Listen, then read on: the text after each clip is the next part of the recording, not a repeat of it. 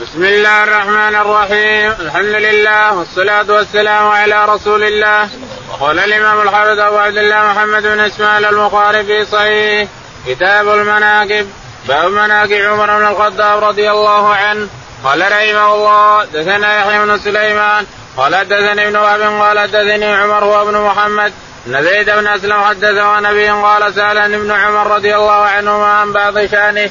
يعني عمر فأخبرته فقال ما رأيت أحدا قط بعد رسول الله صلى الله عليه وسلم من حين قبض كان جد واجود حتى انتهى من عمر بن الخطاب. بسم الله الرحمن الرحيم الحمد لله رب العالمين صلى الله على نبينا محمد وعلى آله وصحبه أجمعين. يقول الإمام الحافظ أبو عبد الله البخاري رحمه الله في صحيحه ونحن لا نزال في مناقب عمر بن الخطاب رضي الله تعالى عنه ولن تنتهي مناقب عمر. ويكتب فيها مجلدات كتب تملأ الأرض. ما انتهت مناقب عمر. لكن يأتي البخاري بها فيما فيما ثبت منها. يقول رحمه الله حدثنا يحيى. يحيى قال حدثنا ابن وهب. بن وهب قال قال حدثنا عمر بن محمد. قال حدثنا عمر بن محمد قال عن زيد بن أسلم. عن زيد بن أسلم غلام عمر. زيد بن اسلم أسلم هو غلام عمر. وزيد ولده نعم. عن أبيه أسلم. عن ابيه أسلم قال قال سألني ابن عمر عن بعض شأنه يعني عمر أسلم. يقول سألني عبد الله بن عمر لأنه أخص بعمر من عبد الله بن عمر. عبد الله بن عمر يسأل مولاه غلام عمر اللي هو أسلم عن عمر رضي الله عنه. فذكر صفات عمر رضي الله تعالى عنه وأحواله ومدخله ومخرج وإذا فقال عبد الله بن عمر ما رأيت أحدا قط بعد رسول الله صلى الله عليه وسلم من حين قبض كان أجد واجودا. ما رأيت أحدا قط بعد الرسول عليه الصلاة والسلام يعني وأبو بكر أجد وأجود من عمر رضي الله عنه على العمل وعلى الأمر بالمعروف والنهي عن المنكر واستقامة الناس إلى آخره رضي الله عنه وأرضاه نعم. قال رحمه الله دثنا سليمان بن حرب قال دثنا حماد بن زيد عن ثابت عن أنس رضي الله عنه إن رجلا سأل النبي صلى الله عليه وسلم عن الساعة قال متى الساعة؟ قال وما اعددت لها؟ قال لا شيء إلا أني أحب الله ورسوله فقال أنت مع من أحببت قال أنس فما فرحنا بشيء فرحنا بقول النبي صلى الله عليه وسلم أنت مع من أحببت قال أنس فانا أحب النبي صلى الله عليه وسلم وابا بكر وعمر وأرجو أن أكون معهم بحبه إياهم وإن لم أعمل بمثل أعمالهم. يقول البخاري رحمه الله حدثنا سليمان. سليمان قال حدثنا حماد حماد قال حدثنا ثابت البناني. ثابت البناني. عن أنس. عن أنس بن مالك رضي الله تعالى عنه أن رجلا أتى النبي عليه الصلاة والسلام فقال له يا رسول الله. فقال متى الساعة؟ متى الساعة يا رسول الله؟ متى الساعة؟ قال ما أعددت لها، قال لا شيء إلا إني أحب الله ورسوله، فقال النبي عليه الصلاة والسلام المرء مع من أحب، دام تحب الله ورسوله فأنت مع الرسول عليه الصلاة والسلام. يقول أنس فما فرحنا بشيء أفرح من هذا، أنا أحب الله ورسوله وأبو بكر وعمر، فالله غارب الله أن يحشرني معهم، أنا أحب الله ورسوله وأحب النبي وأحب أبو بكر وعمر، أرجو الله هذا أنس. ولم بأعمال وإن لم أعمل بأعمالهم. لكن من أحب شيء صار معه فأنا أحب الله ورسوله وأحب أبو بكر وعمر. وأرجو الله أن أكون معهم ولو لم أعمل أعمالهم. نعم. قال رحمه الله حدثنا يحيى بن غزاه قال حدثنا إبراهيم بن سعد عن أبي عن أبي سلمة عن أبي هريرة رضي الله عنه قال قال رسول الله صلى الله عليه وسلم لقد كان فيما قولكم من الأمم محدثون فإن في أمتي أحد فإنه عمر. زاد زكريا بن أبي سعيد عن سعد عن أبي سلمة عن أبي هريرة قال قال النبي صلى الله عليه وسلم لقد كان في من كان قبلكم من بني إسرائيل رجال يكلمون رجال يكلمون من غير أن يكونوا أنبياء فإن يكن من أمتي منهم أحد فعمر. يقول البخاري رحمه الله حدثنا يحيى. يحيى قال حدثنا إبراهيم بن سعد. إبراهيم بن سعد عن أبي. عن أبي سعد بن إبراهيم قال عن أبي سلمة عن أبي عن أبي سلمة بن عبد الرحمن عن أبي هريرة رضي الله تعالى عنه أن النبي عليه الصلاة والسلام قال لقد كان في من كان قبلكم بني إسرائيل محدثون يعني يريهم الله شيئا من الغيب من علامات الغيب. يتكلم بأشياء وكأنه ينظر بنور الله. ينظر بنور الله يفتح الله على يديه وينظر بمرآة الغيب يتكلم عن الشيء يقع يقع كما هو كما تكلم به كما وقع. الشاهد إن قال فإن يكن من أمتي فهو عمر بن الخطاب رضي الله عنه. نعم عمر رضي الله تعالى عنه يتكلم بشيء ويقع كما هو. يتكلم بشيء اللي ما هو موجود ولا حد يعرفه لكن يقع كما هو. انظر ما فعل في وهو على المنبر يخطب يا سارية الجبل يا سارية الجبل. سارية رضي الله عنه أمير للجيوش في العراق.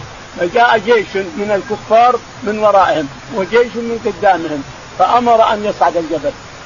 سارية الجبل يا سارية اطلع الجبل يا سارية. فأنا هنا جيش بيجيك من وراء وقدامك جيش تصير تصير أنت في وسط الجيوش الاثنين فتهلكون يقول يقول سارية والله سمعنا صوت عمر بالقائلة بالظهر سمعنا صوت عمر صعد الجبل.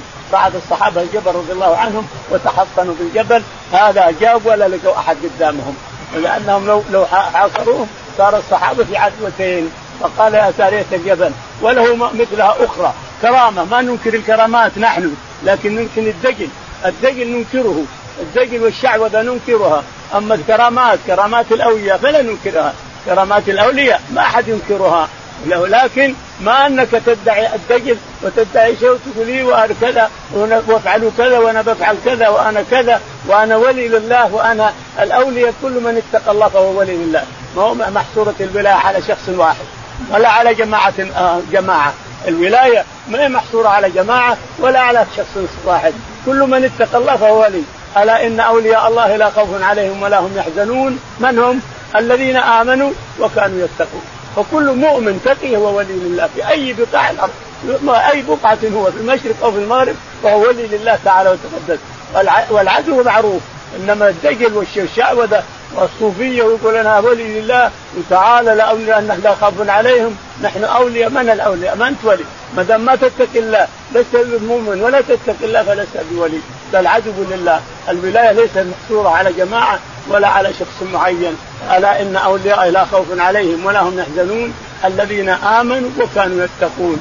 الشاهد أن الكرامات موجودة. كرامات كرامات الله تعالى وتقدس لبعض الصحابه لبعض الرجال. موجودة يوجد من الصالحين حتى في زماننا هذا يوجد من الصالحين من يتنبأ بأشياء قد تقع.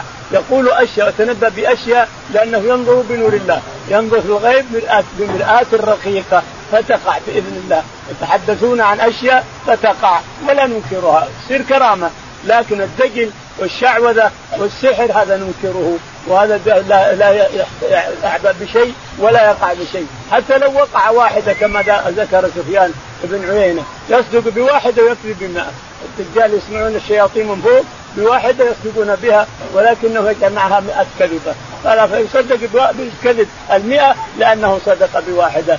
هذا دجال لا شك ومشعوذ منجم وساحر أما الكرامة فهي معروفة ومفهومه كرامات الأولياء معروفة. ويس القرني رضي الله تعالى عنه مات حماره في الطريق لين حاج على حمار من من من صنعاء. على حمار حاج ومات حماره في الطريق. قال يا ربي لا تعودني لأحد من خلقك. أحيي حماري ابحج عليه. فحيا قام حماره. طلب ربه سبحانه وتعالى. قال يا ربي لا تحوجني إلى أحد من غيرك. الحمار أحيي لي حماري فأحيا الله حمار هذه كرامة؟ نعم كرامة. وويس القرني بار بأمه رضي الله عنه وأرضاه. وويس القرني بار بأمه كان عمر وأبو بكر يبحثون عنه في حاله الحج في عرفات. هل فيكم ويس القرني؟ هل فيكم حتى وجدوه؟ وقالوا له ادعو لنا. قال أنت وأبو بكر وعمر أنا أدعو لكم؟ قالوا نعم.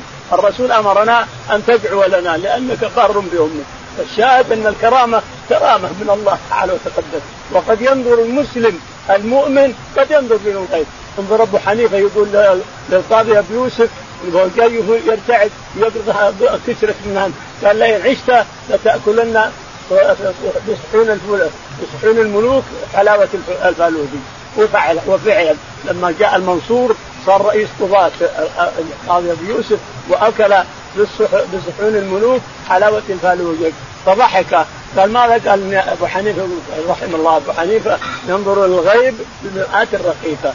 ينظر إلى الغيب بمرآة رقيقه فلا شك أنه يوجد من ينظر بنور الله بالغيب يتكلم به بنور الله تعالى وتقدم نعم.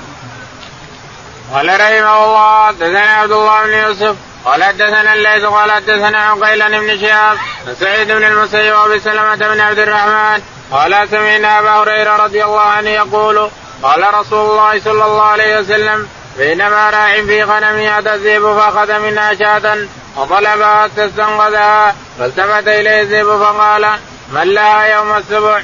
ليس لها راع غيري. فقال الناس سبحان الله. فقال النبي صلى الله عليه وسلم فإني أؤمن به وأبو بكر وعمر وما ثم أبو بكر وعمر. يقول البخاري رحمه الله كررها لذكر عمر. الشاهد هنا ذكر عمر لأنه النبي صلى الله عليه وسلم قال أؤمن. بكلام الذيب وأؤمن بكلام البقرة أنا وأبو بكر وعمر. هذا الشاهد، الشاهد عمر هنا مناقب عمر. وإلا عمر ما هو موجود وأبو بكر ما هو موجود رضي الله عنه. فجاء بها في كرامات أبي بكر وجاء بالحديث في كرامات عمر رضي الله عنه. يقول البخاري رحمه الله حدثنا عبد الله بن عبد الله بن يوسف. قال حدثنا الليث. الليث بن سعد. قال حدثنا عقيل عن ابن شهاب. عقيل عن ابن شهاب. عن عن سعيد بن المسيب وأبي سلمة. وأبي سلمة. وأبي سلمة بن عبد الرحمن عن أبي هريرة رضي الله تعالى عنه أن النبي عليه الصلاة والسلام قال بينما رجل يرعى غنما أتاه الذئب فخطف واحدة فانقذها فاستنقذها منه. التفت إليه الذئب وقال من لها إذا لم يرعاها إلا أنا. من لها؟ حين تهملها أنت وغيرك يصير أنا راعيها أكلا ليبي واخلي من لها؟ ومستنقذها قال الناس سبحان الله ذئب يتكلم وبقرة ركبها واحد. فقالت لا تركبني أنا خلقت للحرث ما هو للركوب؟ أنا ما للركوب للحرث أحرث الأرض. فقالوا سبحان الله بقرة تتكلم وذئب يتكلم. قال الرسول عليه الصلاة والسلام أؤمن بهذا أنا وأبو بكر وعمر. فقال وهم ليسوا موجودين. أبو بكر ما هو موجود وعمر ما هو موجود. الشاهد هنا عمر رضي الله عنه أن النبي عليه الصلاة والسلام قال إن عمر يؤمن بهذا الغيب. بهذا الكلام من الذئب والكلام من البقرة. عمر أبو بكر وعمر يؤمنون بهذا. نعم. قال رحمه الله دثنا يحيى بن بكير قال دثنا الليث عن قال بن شهاب قال أخبرني أبو امه بن سالم بن هنيف عن أبي سعيد الخدري رضي الله عنه قال سمعت رسول الله صلى الله عليه وسلم يقول بين أنا نائم رأيت الناس عرضوا علي وعليهم قمص فمنها ما يبلغ السدع ومنها ما يبلغ دون ذلك عرض علي عمر وعليه قميص اجتره. قالوا فما أولته يا رسول الله؟ قال الدين. يقول البخاري رحمه الله حدثنا يحيى. يحيى قال حدثنا الليل. الليل قال حدثنا عقيل عن ابن شهاب. عقيل عن ابن شهاب قال قال أخبرني أبو أمامة بن سالم. قال أخبرني أبو أمامة بن سالم. ابو أمامة بن سالم بن حنيف عن أبي سعيد عن أبي سعيد الخدري رضي الله تعالى عنه أن النبي عليه الصلاة والسلام قال لهم إنه رأى في المنام أن الناس يلبسون قمص. الناس يكسون قمص. يقول فمنهم قميصه إلى هنا بس ومنهم إلى السرة ومنهم ورايت عمر بن الخطاب يجر القميص جر في الأرض. قالوا ما أولتها؟ قال العلم أو قال الدين. اللي مضى قال العلم. وهنا يقول الدين كله. دين وعلم رضي الله عنه وأرضاه. عمر بن الخطاب مملوء دين ومملوء علم. نعم.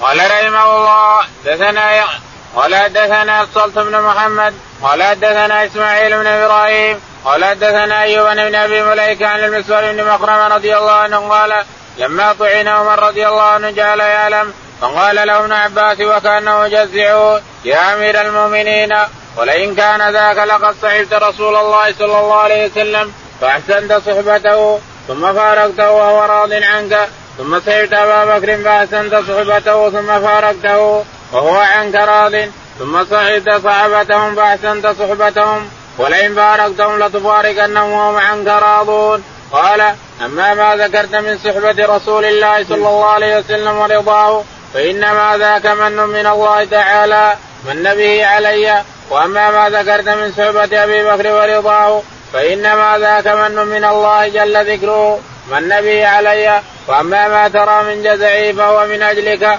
وأجل أصحابك والله لو أن لي طلاع الأرض ذهبا لافتديت به من عذاب الله عز وجل قبل أن أراه. قال حماد بن زيد قال حدثنا أيوب عن ابن أبي مليكه عن ابن عباس دخلت على عمر بهذا. يقول البخاري رحمه الله حدثنا أصلت بن أصلت بن قال حدثنا إسماعيل. إسماعيل. قال حدثنا أيوب. أيوب. قال عن ابن أبي مليكه عن ابن أبي مليكه عن المسور بن مخرمه عن المسور بن مخرمه قال قال لما طعن عمر جعل يألم لما طعن عمر جعل يتألم يون وقال له ابن عباس إنك صحبت الرسول عليه الصلاة والسلام وصحبت أبو بكر وأنت من أحسن الناس وأجلهم وأرضاهم لله تعالى. وتقدس عملك إن شاء الله عمل صالح. فقال عمر بن الخطاب أما ما ذكرت من صحبتي للرسول عليه الصلاة والسلام فهو من من الله علي من من الله علي. وما ذكرت من صحبتي لأبي بكر الصديق فهو من من الله علي أيضا. وأما أنت وأما جزعي وكلامي الآن فهو من أجلك أنت وجماعته جماعة المسلمين اللي بعدك اللي بعدي. من أجلك وأجل جماعة المسلمين الذين لا أدري ما إلى آخره. يعني أنا أتكلم وأجل من أجلك أجلك ابن عباس واجل من معك من المسلمين. والله لو أن لي اطلاع على الأرض ذهبا لافتديت ثم حلف. والله لو أن لي ملء الأرض ذهبا لافتديت به من عذاب الله تعالى وتقدم قبل أن أراه. قبل أن أراه. نعم. قبل أن ارى ربنا. قال رحمه الله حدثنا بن موسى قال حدثنا أبو أسامة قال حدثنا عثمان بن غياث قال حدثنا أبو عثمان النهدي عن أبي موسى رضي الله عنه قال كنت مع النبي صلى الله عليه وسلم في آية من حيطان المدينة فجاء رجل فاستفتى من قال النبي افتح له وبشروا بالجنة ففتحت له فإذا أبو بكر فبشرته بما قال النبي صلى الله عليه وسلم وحمد الله. ثم جاء رجل فاستفتى فقال النبي صلى الله عليه وسلم افتح له وبشروا بالجنة. ففتحت له فإذا هو عمر فأخبرته بما قال النبي صلى الله عليه وسلم فحمد الله. ثم استفتى رجل قال لي افتح له وبشروا بالجنة على بلوى تصيبه فإذا عثمان فأخبرته بما قال رسول الله صلى الله عليه وسلم فحمد الله ثم قال الله المستعان. يقول البخاري رحمه الله حدثنا يوسف.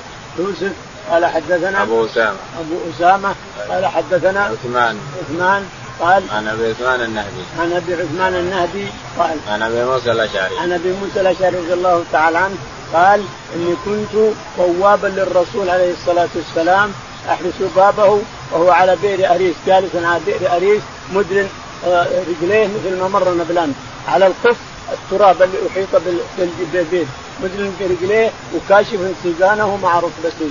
جالس بالبيت فلما يقول فحرك الباب ففتحته فإذا أبو بكر. على رسلك يا أبو بكر.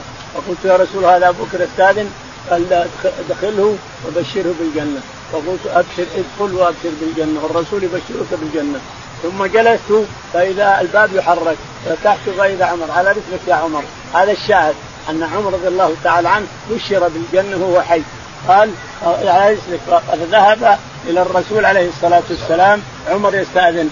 قال ادخله وبشره بالجنة. هذا عمر رضي الله تعالى عنه.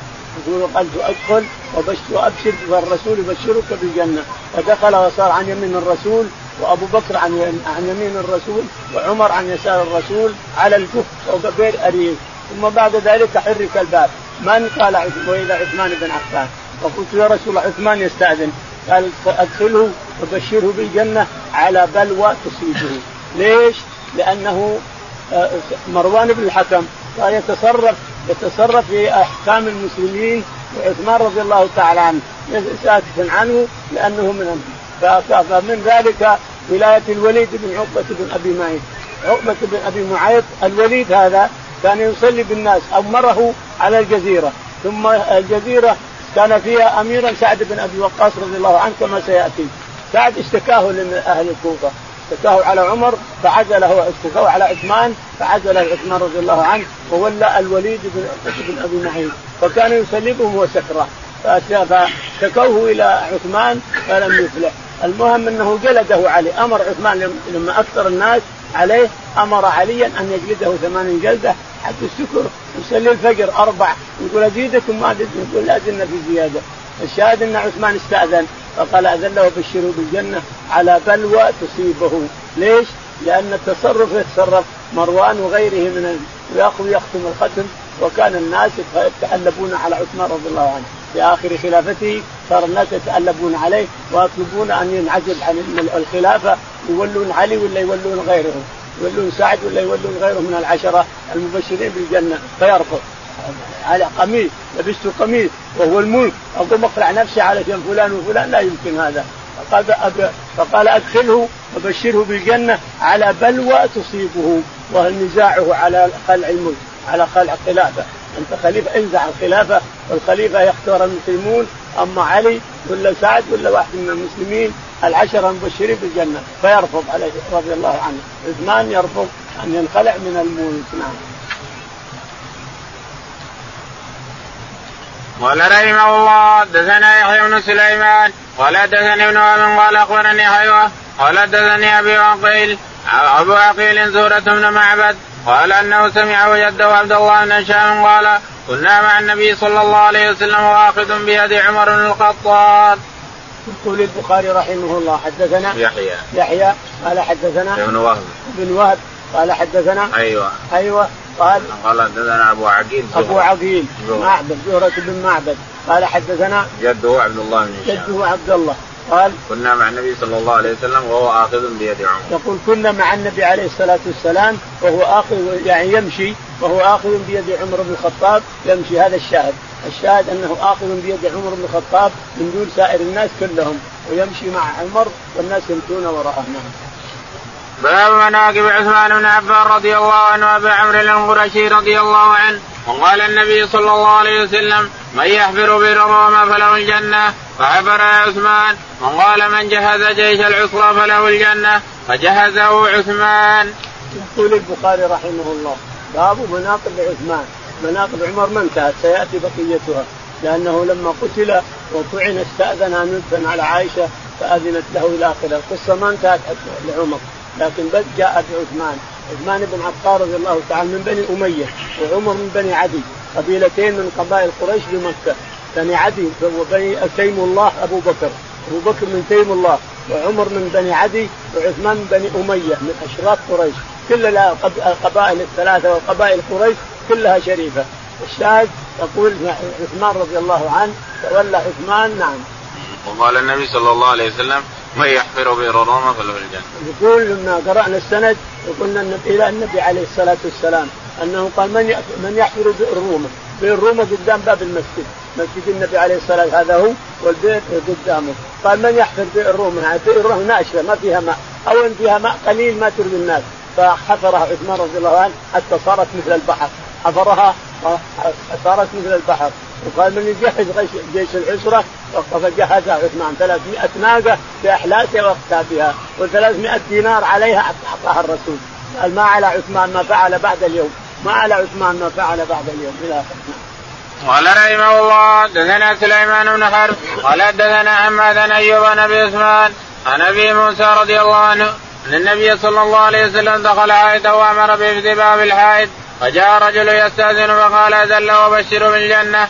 فإذا أبو بكر ثم جاء آخر يستأذن فقال أذن له وبشره بالجنة. فإذا عمر ثم جاء آخر يستأذن فسكت هنيا ثم قال أذن له وبشره بالجنة. على بلوى تصيبه فإذا عثمان بن عفان قال حماد حدثنا عاصم الأحول وعلي بن الحكم سمع أبا عثمان يحدث عن أبي موسى بنحوه وزاد في عاصم النبي صلى الله عليه وسلم كان قاعدا في مكان فيما قد انكشف عن ركبتيه أو ركبته فلما دخل عثمان غطاها.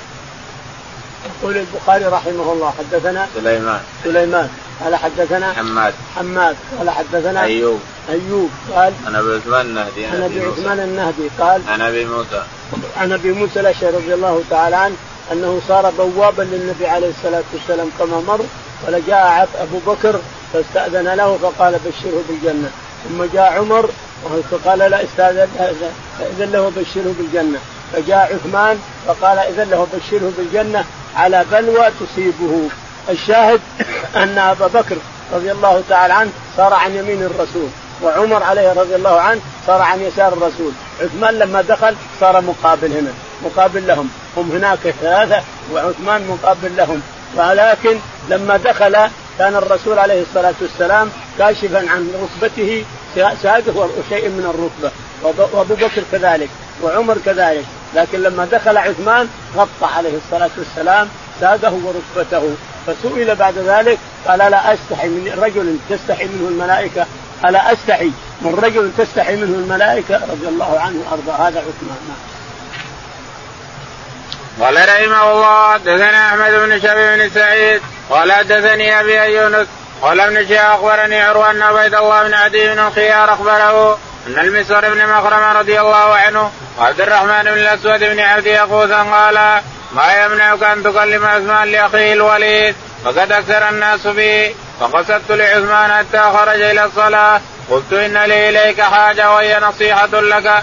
قال يا أيها المرء قال معمر نراه قال أعوذ بالله منك. فانصرفت فرجعت إليهم. إذ جاء رسول عثمان فاتيته فقال ما نصيحتك؟ فقلت إن الله سبحانه بعث محمدا صلى الله عليه وسلم بالحق وأنزل عليه الكتاب وكنت ممن استجاب لله ولرسوله صلى الله عليه وسلم فهاجرت الهجرتين وصحبت رسول الله صلى الله عليه وسلم ورأيت هديه وقد أكثر الناس في شأن الوليد. قال أدركت رسول الله صلى الله عليه وسلم قلت لا ولكن خلص إلي من عمله ما يخلص إلى الاذراع في سترها. قال أما بعد فإن الله بعث محمدا صلى الله عليه وسلم بالحق فكنت ممن استجاب لله ولرسوله وآمنت بما بعث به وهاجرت الهجرتين كما قلت وسعبت رسول الله صلى الله عليه وسلم وبايعته فوالله ما عصيته ولا غششته حتى توفاه الله. ثم أبو بكر مثله ثم عمر مثله ثم استخلفت أفليس لي من الحق مثل الذي لهم قلت بلى؟ قال فما هذه الأحاديث التي تبلغني عنكم؟ أما ما ذكرت من شأن الوليد فسنأخذ فيه بالحق إن شاء الله. يقول البخاري رحمه الله. ثم دعا عليا فأمره أن يجلده فجلده ثمانين. يقول البخاري رحمه الله حدثنا أحمد. أحمد. قال حدثنا عن أبيه شبيب عن أبيه. قال عن يونس. عن يونس. عن ابن شهاب. عن ابن شهاب. قال عن عروة. عن عروة بن الزبير. قال عن عبيد الله بن عدي بن الخيار. عن عبيد الله بن عدي بن الخيار. قال عن عن المسور بن مخرمه وعبد الرحمن. عن المسور بن مخرمه و عبد الرحمن بن عبد الأسود. عبد الرحمن بن عبد الأسود. قال ما يمنعك أن تكلم عثمان قال ما يمنعك أن تكلم عثمان بن عفان بالوليد لأن الوليد ولاه ولاه عثمان رضي الله عنه الجزيرة. وكان سعد بن أبي وقاص اميرا على الكوفة. فعزل سعد بن أبي وقاص لأنهم اشتكوه على الكوفة. اشتكوه. أرسل مراقبين فقال شيخ منهم كبير قال سعد ما يحكم بعدل ولا يرعى, يرعى الرعية ولا كذا. قال اللهم إن كان كاذبا فاعمي بصره وأفتنه واقبره بحفرة في بيته. فصار يتتبع بنات الناس الصغيرين اصابته دعوه سعد اصابته دعوه عمي صار يتتبع بنات الناس يلمسهم في الشارع. ثم جاء نزل في غرفة طاح في حفرة في بيته ومات. قال اصابته دعوه عمي. فالشاهد أن سعد رضي الله عنه عزله وجعل الوليد أميرا على الكوفة، عثمان جعل الوليد أميرا على الكوفة، ولما صلى بهم الفجر صلى أربع، لما سلم قال أزيدكم قالوا لا زلنا في زيادة. تكران صلى بهم تكران قالوا لا زلنا في زيادة. قبحك الله. فالناس قالوا لعثمان لما تفعل كذا ولما تفعل كذا ولما كذا. الشاهد أن هذا الرجل أتى عثمان يريد أن ينصحه. لما خرج يصلي قال يا أمير المؤمنين لي اليك حاجة وهي نصيحة إن شاء الله. فقال ان أن أبو بكر تولى عليكم بكر فتركتموه تولى عليكم عمر فتركتموه هل أليس لي من الحق؟ قلت أنا خليفة. أليس لي من الحق؟ مثل ما لأبي بكر وعمر. إلا والله لك من الحق. إلا والله لعثمان من الحق مثل لأبي بكر خليفة المسلمين. لكن الناس ما يخلون أحد ولا يتركون أحد يعيش سالما. الشاهد أنه أرسل له. تعال هات نصيحتك. قال نصيحتي الوليد. الوليد ليس تترك من تجلسه فقال أما أما أنا فأنا إن شاء الله سأقوم بالحق واعدل بالحق فأمر علي رضي الله عنه فجلده ثمانين جلدة. جلد الوليد ثمانين جلدة. الشاهد إن الناس أكثروا على عثمان رضي الله عنه حتى جاء جاء تألبوا عليه وحتى قفزوا عليه بيته. حتى حصر في بيته. ما يشرب ولا يأكل إلا في بيت إلا مع امرأته. قال يا فطلع على الناس اطلع على الناس من فوق. أيها الناس أليس الرسول عليه الصلاة والسلام قال من يحفر بئر الروم وله كذا فحفرت؟ قالوا نعم. قال ليس الرسول عليه الصلاة والسلام قال من يجهز جيش العسرة؟ قال جهزت. قالوا بلى. قال لماذا ما, ما تطلبون مني؟ ما الذي تطلبون مني يا جماعة؟ ما الذي تطلبون؟ قالوا نطلب التصرفات. تصرفات مروان بن الحكم. صار هو السكرتير حقه كما يقولون اليوم ويختم ختمه ويرسل المكاتيب هنا يرسل المكاتيب هنا يرسل كان محمد بن بن علي بن أبي طالب هو الأمير على النصر فعزله مروان بختم بكتاب وجعل بدله اسمه عبد الله بن عبد الله بن عبد الله بن أبي السرح جعل بدله عبد الله لأنه أخو عثمان من الرضاعة جعل بدله عبد الله بن أبي السرح. أميرا على مصر وعزل محمد بن عبد الرحمن محمد بن أبي بكر الصديق رضي الله عنه. فالشاهد أن الناس أن مروان صار يتصرف في عثمان رضي الله عنه. وعثمان رقيق رقيق الادحاء رقيق ما يعاتب أحد ولا يحب انه يزعل أحد. فصار مروان يتصرف ويختم بختم عثمان ويعزل هذا ويصل حتى تألف الناس عليه وحتى قتلوه في داره. والرسول عليه الصلاة والسلام كان يوما في أحد كنا في زمن النبي صلى الله عليه وسلم لا نعدل بأبي بكر احدا ثم عمر ثم عثمان ثم نترك أصحاب النبي صلى الله عليه وسلم لا نفاضل بينهم. تابعه عبد الله بن صالح بن عبد العزيز. يقول البخاري رحمه الله حدثنا محمد بن محمد قال حدثنا شاذان. شاذان قال حدثنا عبد العزيز. عبد العزيز بن الماجشون قال حدثنا عبيد الله. عبيد الله عن نافع عن ابن عمر. قال عن ابن عمر إن ابن عمر رضي الله تعالى عنه قال كنا اولا نفضل أبو بكر الصديق على الصحابة جميع على جميع أصحاب الرسول على أمة محمد. ثم بعده عمر بن الخطاب ثم بعده عثمان ثم لا نفضل أحد بعد ذلك. على أن كثير من الناس من ناحية الفضل لا من ناحية الخلافة، الخلافة باتفاق أمة محمد أن عثمان هو الخليفة، بعد عمر عثمان هو الخليفة، لكن الفضل فضل كثير من الناس وفضل علي لقرابته من الرسول عليه الصلاة والسلام ولأنه زوج ابنته. ويفضلون علي على عثمان. وكثير من الناس يقولون ما دام ولي الخلافة عثمان ولي الخلافة فهو أفضل من علي. ما دام ولي الخلافة بحضور علي بحضور المهاجرين والأنصار فعثمان أفضل من علي إلى آخره. هذا ما ما فيها ما ما فيها يعني لا حرج. ما تفضل علي على عثمان أو تفضل عثمان علي. ما فيها حرج عليك الإنسان. أنا أحب عثمان أفضله على علي. أحب علي أفضله على عثمان. ما فيها حرج عليك ولا فيها ذنب. تحب هذا أو تحب هذا أنت حر. نعم. قال رحمه الله حدثنا موسى بن إسماعيل. قال حدثنا أبو عوان قال حدثنا عثمان وابن موهب. قال جاء رجل من أهل مصر حج البيت فرأى قوما جلوسا فقال من هؤلاء القوم؟ قالوا هؤلاء قريش. قال فمن الشيخ فيهم؟ قالوا عبد الله بن عمر. قال يا ابن عمر إني سائلك عن شيء فحدثني. هل تعلم أن عثمان رضي الله عنه فر يوم أحد؟ قال نعم. قال تعلم أنه تغيب عن بدر ولم يشهد قال نعم. قال تعلم أنه تغيب عن بيعة الرضوان فلم يشهد قال نعم. قال الله أكبر. قال ابن عمر تعال أبين لك. أما فراره يوم أحد؟ وأشهد أن الله عفى عنه وغفر له وأما تغيبه عن بدر فإنه كانت تحته بنت رسول الله صلى الله عليه وسلم وكانت مريضة. فقال له رسول الله صلى الله عليه وسلم إن لك أجر رجل من شهد بدرا وسامه فأما تغيبه عن بيعه الرضوان فلو كان احدنا عز ببطن مكة من عثمان لبعث مكانه فبعث رسول الله صلى الله عليه وسلم عثمان وكان بيعة الرضوان بعدما ذهب عثمان إلى مكة. فقال رسول الله صلى الله عليه وسلم بيد اليمنى هذه يد عثمان فضرب بها على يده فقال هذه لعثمان فقال له ابن عمر اذهب بها الآن معك. يقول البخاري رحمه الله حدثنا موسى. موسى قال حدثنا أبو عوانة. أبو عوانة قال حدثنا عثمان بن موهب. عثمان بن موهب قال جاء رجل من أهل يقول جاء رجل من أهل مصر. نعم. يقول جاء رجل من أهل مصر فوجد حج البيت فراى قوم حاج حاجا إلى البيت. فراى قوم مجتمعون فقال من هؤلاء؟ قالوا قريش. قال من هذا الشيخ اللي في وسطهم؟ قالوا عبد الله بن عمر بن الخطاب. فجاء إليه. فقال السلام عليك يا عبد الله بن عمر. عليكم السلام. قال أنا سائلك. قال نعم قول.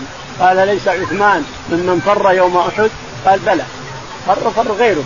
حتى غير عثمان. يوم أحد فر كثير من الصحابة رضي الله عنهم. فلا لهم عليهم. غفر الله لهم. الله قالوا الله مولاكم. الله قال غفر الله لهم والله مولاكم. كثير من الصحابة اللي فروا يوم احد لكن ما عفى الله عنهم. هذه واحدة. الثاني قال ليس غاب عن بيعة الرضوان؟ قال بلى. قال أليس غاب عن وقعة بدر؟ قال بلى. قال الله أكبر. قال تعال تعال. أما غيبته عن بدر فإنه غاب لأجل أم كلثوم بنت الرسول عليه الصلاة والسلام تموت تلك الساعة. فقال له الرسول اجلس على البنت حتى تواريها حتى تتوفى وتواريها وزوجه رقية بعدها. بعد أم كلثوم زوجه رقية. ليس هناك ذو نورين زوج ابنة ابنتي نبي إلا هو. هذه واحدة.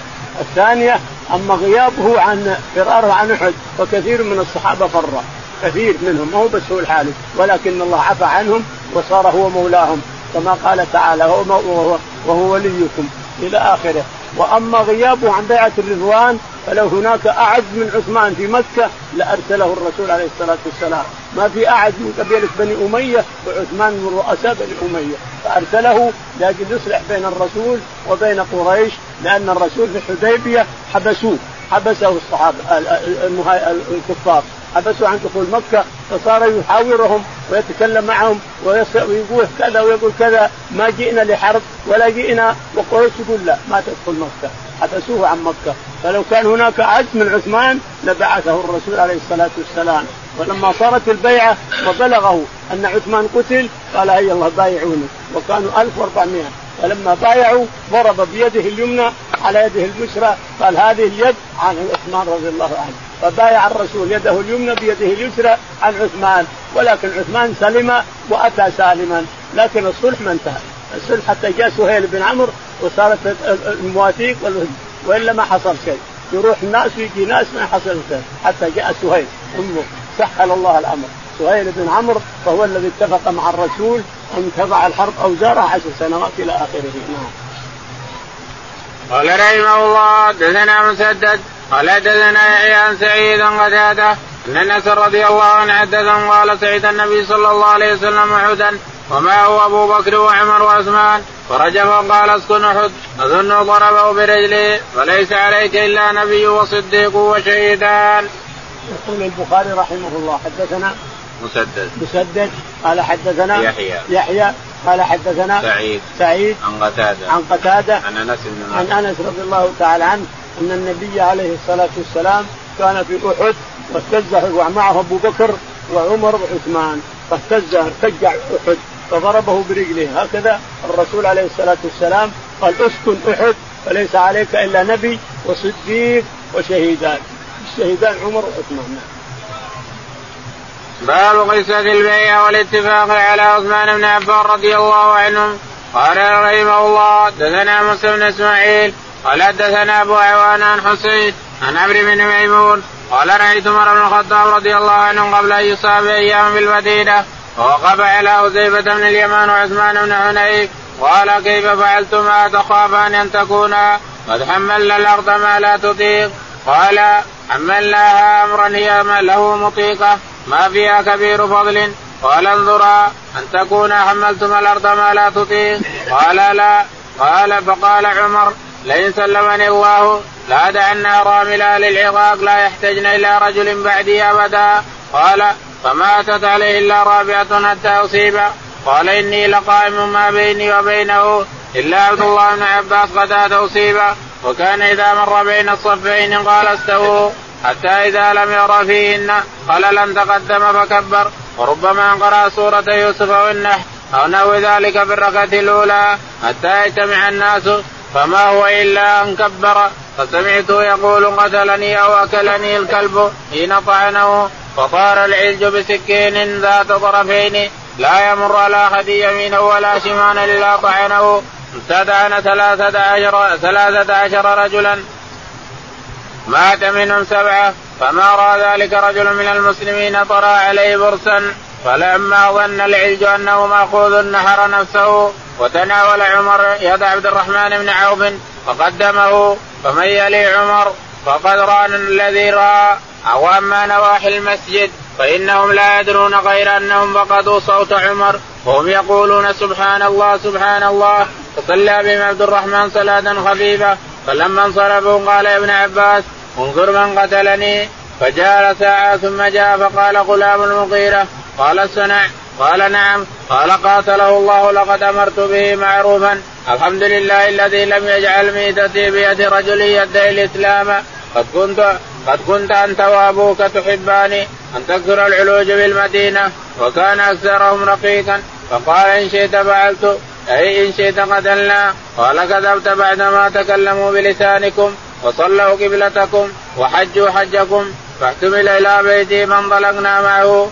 وكأن الناس لم تصبهم مصيبة قبل يومئذ فقائل يقول لا بأس وقائل يقول أخاف عليه فأتي بنبيذ فشربه فخرج من جوفه ثم أتي بلبن فشربه فخرج من جريه فعلموا أنه ميت فدخلنا عليه وجاء الناس يثنون عليه وجاء رجل شاب فقال أبشر يا أمير المؤمنين ببشرى الله لك من صحبة رسول الله صلى الله عليه وسلم قدم في الإسلام. ما قد عملت ثم وليت فعدلت ثم شهادة. قال وددت أن ذلك باب لا علي ولا لي. فلما أدبر إذا إزاره يمس الأرض قال ردوا علي الغلام ابن أخي ارفع ثوبك فإنه أبقى لثوبك وأتقى لربك. يا عبد الله بن عمر انظر ما علي من الدين فحبسوه فوجدوا ستة وثمانين ألفا أو نحوه. قال يوفى له مال آل عمر فأديه من آلهم وإلا فسل بني عدي بن كعب فإن لم تفي أموالا فسل في قريش ولا تعدهم إلى غيرهم. فأد عني هذا المال انطلق إلى عائشة أم المؤمنين. فقل يقرأ عليك عمر السلام ولا تقل أمير المؤمنين فإنا لست اليوم للمؤمنين أميرا. وقل يستأذن عمر بن الخطاب أن يدفن مع صاحبه فسلم واستأذن ثم دخل عليها فوجدها قاعد تبكي فقال يقرأ عليك عمر بن الخطاب السلام ويستأذن أن يدفن مع صاحبه فقالت كنت أريد لنفسي ولو أثر النبي اليوم على نفسي فلما أقبل قيل هذا عبد الله بن عمر قد جاء قال ارفعوني فأسنده رجل اليه فقال ما لديك؟ قال الذي تحب يا أمير المؤمنين أذنت قال الحمد لله ما كان من شيء أهم إلي من ذلك فإذا أنا قضيت فاحملوني ثم سلم وقل يستاذن عمر بن الخطاب فإذا أذنت لي فأدخلوني وإن ردتني ردوني إلى مقابل المسلمين وجاءت أم المؤمنين حفصة والنساء تسير معها فلما رأينا قمنا فولجت عليه فبكت عنده ساعة واستأذن الرجال فولجت داخلا لهم فسمعنا بكاء من الداخل فقالوا أوصي يا أمير المؤمنين استخلف. قال ما أجد حق بهذا الأمر من هؤلاء النفر أو الرأت الذين توفي رسول الله صلى الله عليه وسلم وهو راض. فسمى علي وعثمان والزبير وطلحة وسعد وعبد الرحمن. وقال أشهدكم عبد الله بن عمر وليس له من الأمر شيء كهيئة التعزية له. فإن أصابت الامارات سعدا فهو ذاك وإلا فليستعن به ايكم ما أمر فإني لم أعز له عن عجز ولا خيانة. وقال أوصي الخليفة من بعده بالمهاجرين الأولين أن يعرف لهم حقهم ويحفظ لهم حرمتهم. واوصي بالأنصار خيرا الذين تبوأوا الدار والإيمان من قبله.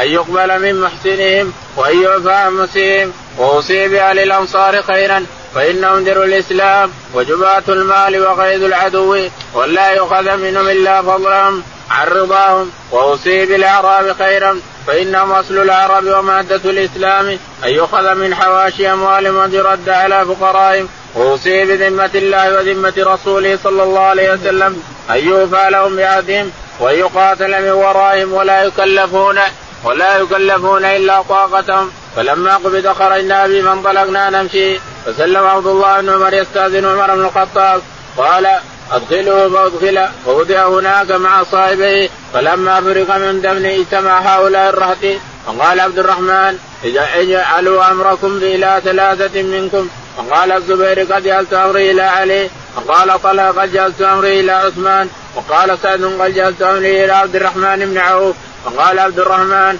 أيكما تبرأ من هذا الأمر فنجعله إليه. والله عليه والإسلام لا أفضلهم في نفسه فأسكت الشيخان. فقال عبد الرحمن أفتجعلون إلي؟ والله علي ألا الوا عن أفضلكم. قال نعم. فأخذ بيد أحدهما فقال لك قرابة من رسول الله صلى الله عليه وسلم والقدم في الإسلام ما قد علمت. والله عليك لئن أمرتك لتعدلن ولئن أمرت عثمان لتسمعن ولا تطيعن. ثم خلا بالآخر فقال له مثل ذلك. فلما أخذ الميثاق قال ارفع يدك يا عثمان. فبايعه. فبايع له علي ولج أهل الدار فبايعوه. يقول البخاري رحمه الله حدثنا موسى. موسى بن إسماعيل. قال حدثنا أبو عوانة. أبو عوانة. قال حدثنا حسين. حسين. عن عمرو بن ميمون. عن عمرو بن ميمون عن قال رأيت عمر بن الخطاب قبل أن يصاب بأيام بالمدينة. يقول رأيت عمر بن الخطاب قبل أن يصاب بأربعة أيام.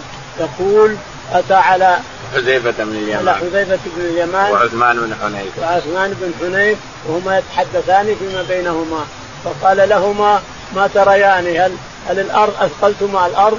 عما تطيق أكثر مما تطيق؟ قالوا لا الأرض تطيق الأرض تطيق ما حمل عليها.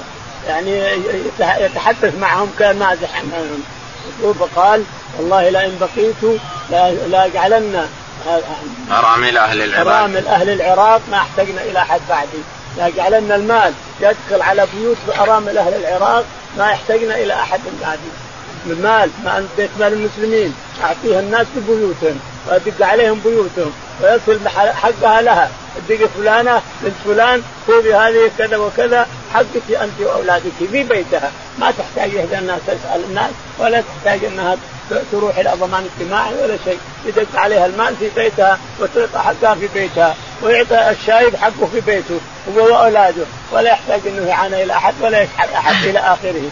لأن عشي عشته. هو فعل هذا قال من قبل. وجعل المال بيبان يطرقون الباب ويعطون الناس كل ذي حق حقه إلى آخره رضي الله عنه وأرضاه. لكنه بعد أربع أيام قتل. يقول بعد أربع أيام أصيب. وكان إذا مر بين الصفين قال استووا. وكان إذا مر بين الصفوف قال استووا أيها الناس. استووا أيها الناس. استووا الناس حتى يتقدم رضي الله عنه وأرضاه إلى المحراب ويرى أن الصفوف استوت كلها ويرى أنها تعدلت ثم يكبر. يقول عمرو بن ميمون لما كبر تكبيرة الإحرام ذلك الليلة يقول له فمعناه قال قتلني الكلب أو أكلني الكلب ما ندري إيش يقول. أكلني الكلب أو قتلني الكلب. أبو لؤلؤة غلام للمغيرة بن شعبة. أتى بسكين ذاك حدين. هنا سكين وهنا سكين. هنا له حد وهنا له حد. وطعن عمر على شاكلة من هنا فوقع مقصيا عليه ثم بعد ذلك قبل أن يقع عمر قدم عبد الرحمن بن عوف يصلي بالناس. فالناس اللي وراء عمر عرفوا اللي حصابه لكن أطراف المسجد من هنا وأطراف المسجد من هنا ما يدري وش اللي حصل. سبحان الله سبحان الله. عمر في الأرض وهم يقولون سبحان الله لأن اللي في الطرف ما يدري وش اللي حصل. ولهذا يستحب أن يطلب الإنسان من الإمام ولا يصلي السماعة لأن السماعة لو تصلي الإنسان بالسماعة وتنقطع السماعة بطلت صلاتك ما تدري هو راكع ولا ساجد ولا قائم. السماعات هذه كلها التي لا ترى الإمام ولا ترى من وراءه قد تبطل صلاتك وانت لا تشعر الإنسان. فلهذا كثير من العلماء بل من الأئمة أنك لا تصلي وراء إنسان يلقي الكلام عليك. اللي وراء الإمام إذا كبر ان كبره قد ينقطع صوته أيضا ولا تدري وش يقول الإنسان. فالسماعات لا يتكل عليها أحد ولا يصلي وراءها أحد إلا بضرورة إذا كان زحام أو ما وجد مكان أو شيء من هذا. لأنها لو تلقط السماعة بطلت صلاته لا يدري هو الإمام راكع ولا ساجد. لا بد من الإنسان إذا أراد أن يصلي أن يرى الإمام أو يرى من وراءه من الصفوف. ترى الصفوف تركع تركع ترى الصفوف ترفع ترفع وهكذا. يقول لما انقطع صوت عمر وسمعنا صوت عبد الرحمن بن عوف ما ندري إيش اللي حصل. لكن وقف عليه ابن عباس رضي الله عنه وهو يؤنبه وهو يثني عليه. حتى طعن 13 رجلا مات منهم سبعة. أبو لؤلؤ أصاب 13 رجل من السكين هذه من طرفين. ثم جاء رجل من المسلمين وطرى عليه برنس شرشف كبير غليظ.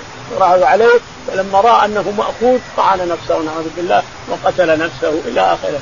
الشاهد أن الناس أتوا إلى عمر واحدهم أن يحملوه ولكنه لم يحمل. القصة طويلة.